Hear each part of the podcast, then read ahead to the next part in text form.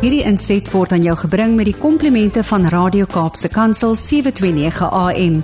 Besoek ons gerus by www.cape pulpit.co.za.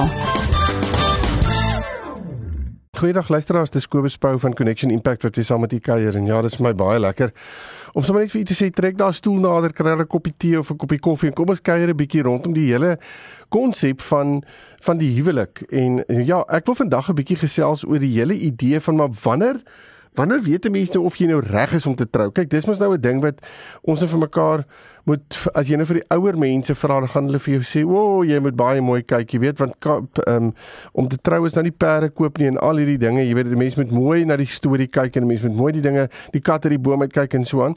En in 'n sekere sin is dit reg, dis waar, ons moet dit doen. En uh en ons kan ook nie noodwendig net ons emosies en gevoelens en dit wat ons het net eenvoudig by die deur uitgooi nie want daar's definitief dit ook. Jy weet as ons mens nou daai daai chemistry het wil ek amper sê dan werk dit en ons wil graag dit laat werk. Maar ek dink daar's meer binne in 'n uh, huweliksverhouding as die gewone chemistry of daai daai skoenlapper gevoel wat 'n mens het as mens mekaar sien in die begin en jy kan nie wag om mekaar te sien jy kan nie wag om mekaar teenwoordigheid te wees nie.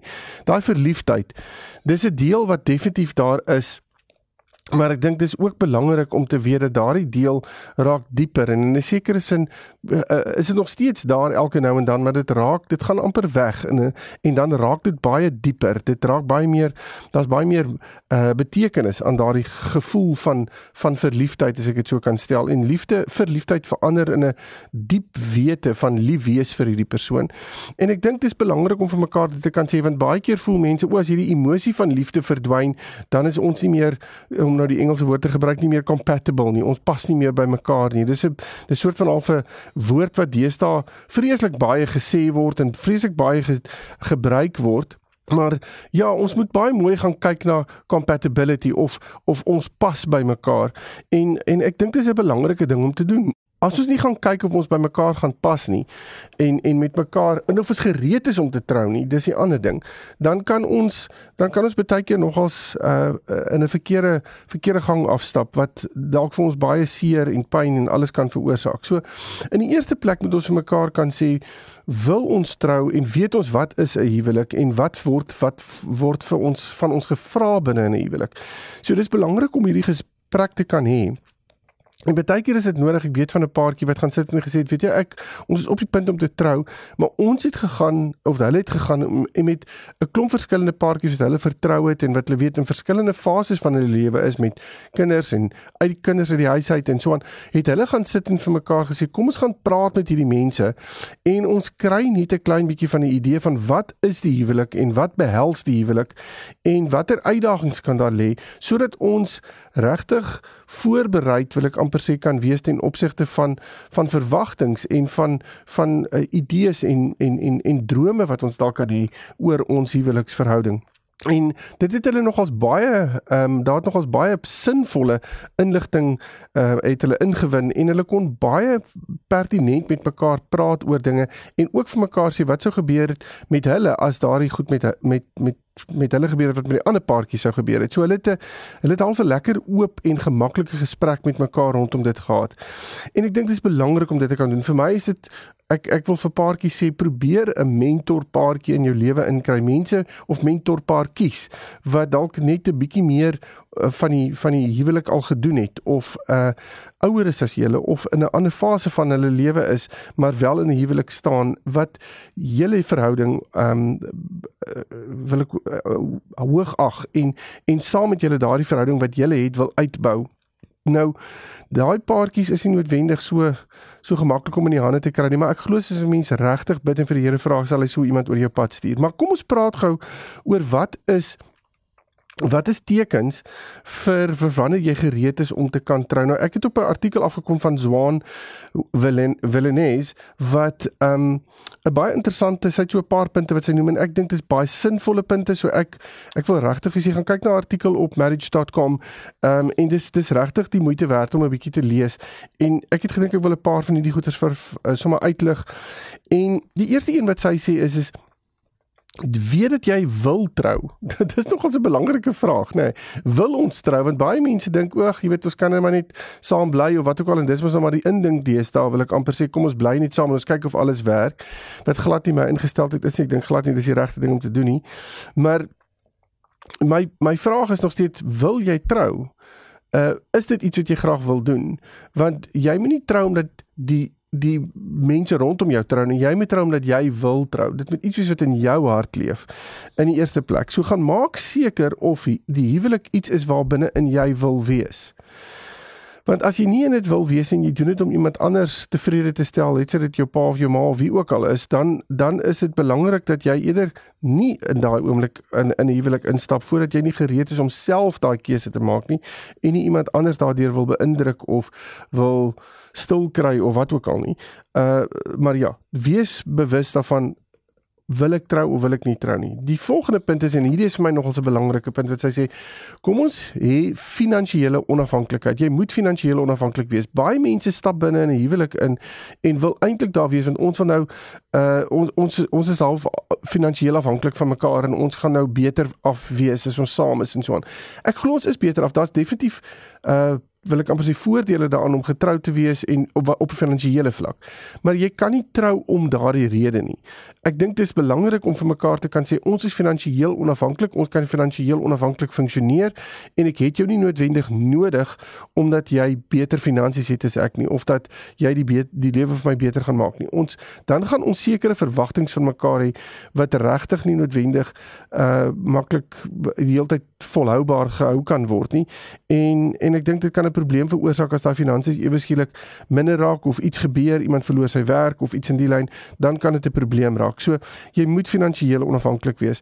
Dan 'n volgende punt is wat sy sê, daar moet 'n gesonde verhouding wees en ek dink dis ook belangrik. Ons moet 'n gesonde verhouding hê in die sin van dat ons nie mekaar uh, beledig nie. Ons moenie 'n geskiedenis hê van oneerlikheid nie of ehm um, die feit dat ons mekaar verneek of uh, ek dink dit is so belangrik om te weet wat is ons waar pas ons in in mekaar se lewens waar pas ons in in mekaar se families is ons is ons verhouding gesond. Ons voel gesond, ons voel gemaklik binne dit. Ek voel nie gemanipuleer nie. Ek voel nie dat ehm um, ek hier is omdat ek bang is dat my maat iets aan my gaan doen as ek uit die verhouding uitstap nie. So dis verskriklik belangrik om te sê is hierdie verhouding 'n gesonde verhouding. So dis die volgende punt. Dan is daar 'n ander punt wat sy sê julle moet gesamentlike uh waardes hê en julle moet gesamentlike doelwitte hê. Nou dis ook interessant om vir, my, vir mekaar te kan sê want ek sien nie altyd mense moet noodwendig presies dieselfde waardes hê nie. Hier kan ek 'n bietjie verskil met haar.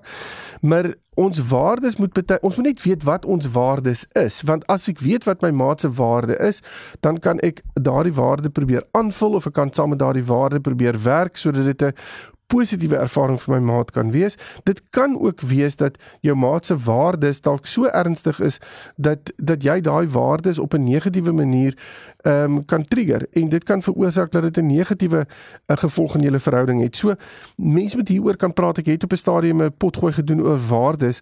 So gaan luister 'n bietjie daarna. Maar ek dink dit is belangrik om dieselfde doelwitte te hê. Dit help nie ons gaan as 'n paartjie, jy wil in daai rigting gaan en ek wil in hierdie rigting gaan en nou wil ons saam iets doen nie. As ons as 'n paartjie 'n gesamentlike doelwit het, gaan ons dit gesamentlik bereik. Ons gaan mekaar ondersteun. Ons gaan daar wees om mekaar se rug te hê rondom dit. En ek dink dit is belangrik belangrik om dit te kan hê. Dan sê sy moet ons positiewe intimiteit hê. Nou, hoor my mooi, die wêreld gee nie om vir saamslaap en al hierdie goed nie. En vir my is die seksuele iets wat hoort binne in 'n huwelik. Einde van storie. Dis hoe ek dit verstaan, dis hoe ek dit sien en ek dink dit is waar die seën van die Here ook op lê. So positiewe intimiteit wat ek hiervan praat is nie seksuele intimiteit as ons praat van 'n paartjie wat nog nie getroud is nie. Ek praat hier van positiewe intimiteit ten opsigte van is ons positief emosioneel en uh uh het ons daai emosionele intimiteit met mekaar. Verstaan ons mekaar se harte, verstaan ons mekaar se emosies. Is ons besig om mekaar op wanneer ons by mekaar kom, kom ons agter ons is 'n klein bietjie meer as vriende. Ons begin regtig um in mekaar se lewens in verweef raak en is dit lekker en is dit goed vir ons? Is dit positief om dit te kan doen? En ja, ek wil amper sê wees versigtig. Die seksuele is iets wat ons baie keer sê o, ons moet dit nou inbring, want dis nou die volgende stap. Dis die volgende stap vir 'n huwelik. As jy dit gaan as jy dit gaan doen buite huwelik, wil ek amper vir jou sê, kan daar gaan daar gevolge wees en dit gaan nie noodwendig positiewe gevolge wees nie. Dan ehm um, moet jy ook weet dat as jy binne in 'n huwelik is, moet jy weet dis dis 'n toegewyde 'n uh, verhouding. Dis iets wat jy vir mekaar sê ek ek trou nie met jou om dan weg te stap van jou af nie. Dis nie wat ek gaan doen nie. Ons trou nie om te skei nie. Ons trou nie om om die huwelik op die einde van die dag te beëindig nie. Ons trou juis om ons huwelik te hê vir die res van ons lewe saam. Ons kies mekaar vir 'n lewens, dis 'n lewensmaat wat ons kies. En daarom is dit ook belangrik om te weet ons moet gereed wees om toegewy te wees binne 'n situasie waar daar baie keer negatiewe en moeilike uitdagings is. En om dit te kan hanteer moet ons mekaar kan sê my toegewydheid, die keuse ten opsigte van hierdie verhouding moet moet daar wees. So is ek bereid om so toegewyde keuse te maak waarin ek vir iemand sê jy kan dalk die negatiewe na my kant toe gooi, jy kan die negatiewe na my kant toe bring, maar nog steeds sal ek kies om by jou te bly. En dis 'n baie belangrike vraag hierdie. Want is ek bereid om dit te kan doen? Want as jy bereid is om dit te kan doen, dan is jy definitief bereid om in 'n huwelik in te stap. As jy vir iemand sê nee, ek is nog definitief nie daar nie. As jy negatief teenoor my gaan optree, out of here, dan wil ek vir jou sê moenie in daai huweliksverhouding instap nie. 'n Volgende ding is gesond gesonde persoonlike grense. Nou weer eens in enige verhouding moet daar grense wees en gesonde grense en dit moet wees jy gaan met respek hanteer. Ons gaan ons ons gaan mekaar op 'n sekere manier uh wil ek amper sê hanteer. Ons gaan op 'n sekere manier met mekaar praat. Ons gaan ons gaan sekere goed in ons verhouding toelaat en sekere goed nie in ons verhouding toelaat nie. Uh dis alles dinge wat ek nie noodwendig daar's nie 'n cookie cutter ding hier nie. Ek dink dis belangrik om net te kan sê het jy grense en is daai in grense is goed want grense beskerm mekaar. Grense is daar om mekaar te uh, wil ek amper sê te sê hier is dit vir my veilig en hier is dit vir my onveilig. So moenie jou maat druk in 'n situasie in waar daar onveiligheid is. In die oomblik as daar 'n onveilige atmosfeer is, voel ek nie ek wil saam met jou wees nie. En dit maak dit moeilik. So daarom grense bepaal of 'n ding veilig kan wees of nie. 'n Ander punt wat sy aanraak wat vir my nogals 'n belangrike punt is, is jou families, is die families, haar familie, jou familie, is hulle ingekoop in hierdie verhouding of is hierdie nou maar net 'n uh, ons ons uh vertaleryk nou maar net hierdie situasie, jy weet, want ons hoop eintlik jy jy sien die lig eventually. Maar ehm um, of is hulle regtig ingekoop en is hulle regtig daar om te sê weet jy dis hierdie is hierdie is jou maat en en ons wil jou regtig ondersteun om te kyk hoe hoe jy hoe jy definitief uh, in 'n huweliksverhouding kan instap. Want dis belangrik hierdie. As jou familie ek sê altyd jy kan vriende gaan jy een of ander tyd verloor en vriende kom en gaan en so maar familie is nou ongelukkig daai mense wat nou die hele tyd by jou staan. En hulle is die hele tyd daar. Of jy dit nou wil weet of nie en hulle gaan daar wees die dag tot jy doodgaan en hulle sal hulle sal saam met jou stap vandat jy gebore is En en daarom is dit belangrik hierdie mense se inkoop binne in julle verhouding is ook belangrik. En dan is die volgende punt wat sy noem is het julle al deur moeilike tye saamgegaan?